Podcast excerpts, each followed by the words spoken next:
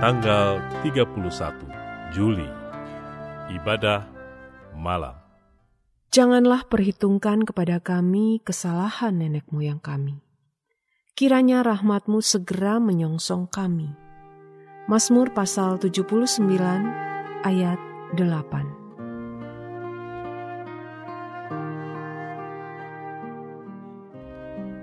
Mari meneduhkan, menenangkan, dan memusatkan hati kepada Tuhan. Saat hening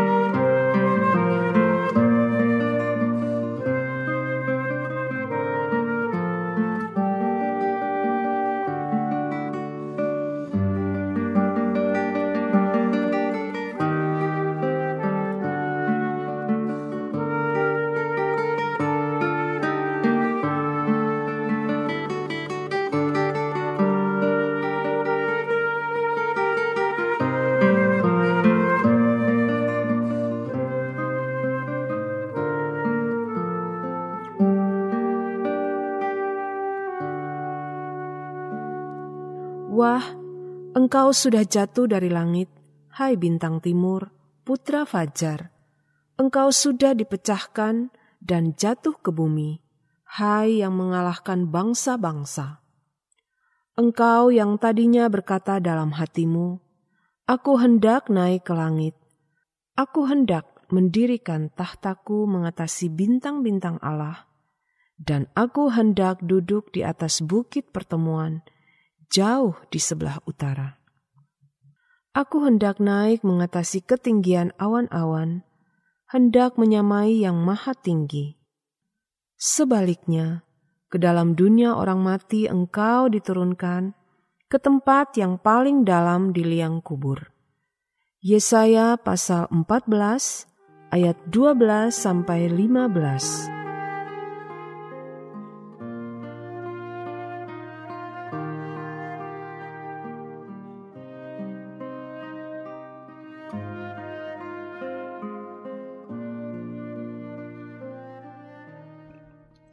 Kecongkakan akan membius pikiran dan meruntuhkan kehidupan dari orang yang hidup di dalamnya. Memang orang yang tinggi hati akan mudah terlena sehingga ia tidak menyadari ketika dirinya sudah berada di ambang pintu kejatuhan.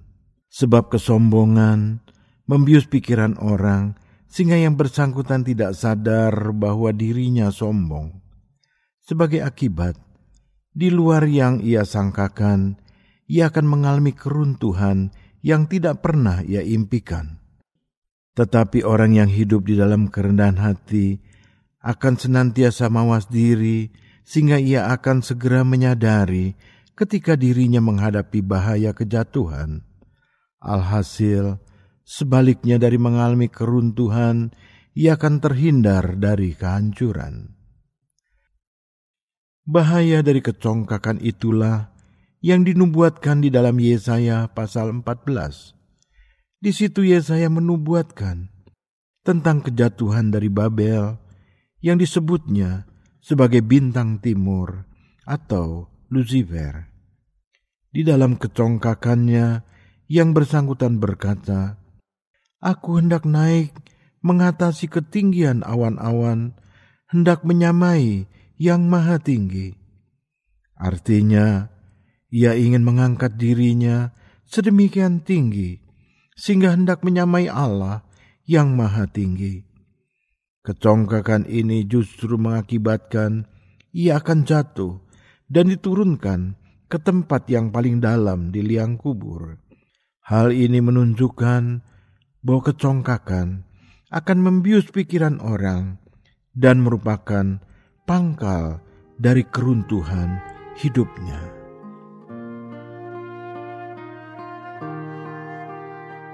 Sudahkah Anda hidup bebas dari kecongkakan?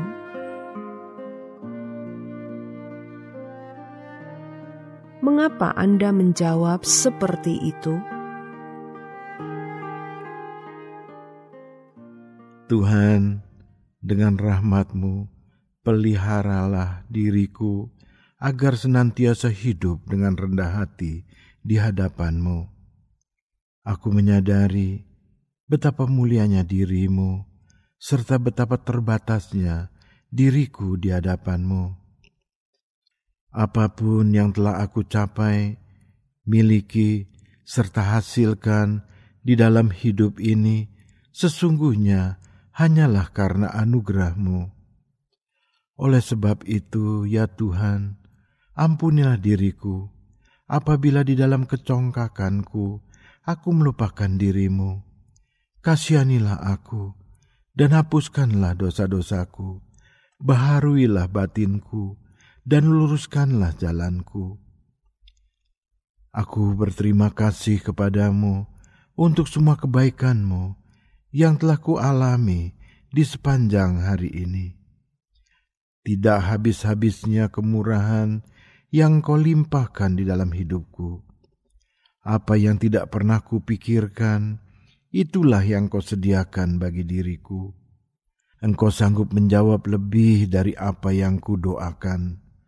Hatiku bersorak-sorai di dalam sukacita karena engkau senantiasa menyediakan semua yang kuperlukan di dalam hidupku.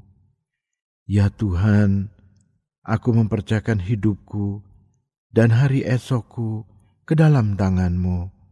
Di dalam nama Yesus Kristus, Tuhan dan Juru Selamatku, aku berdoa. Amin. Berdoalah untuk orang-orang yang sedang memerlukan dukungan doa Anda.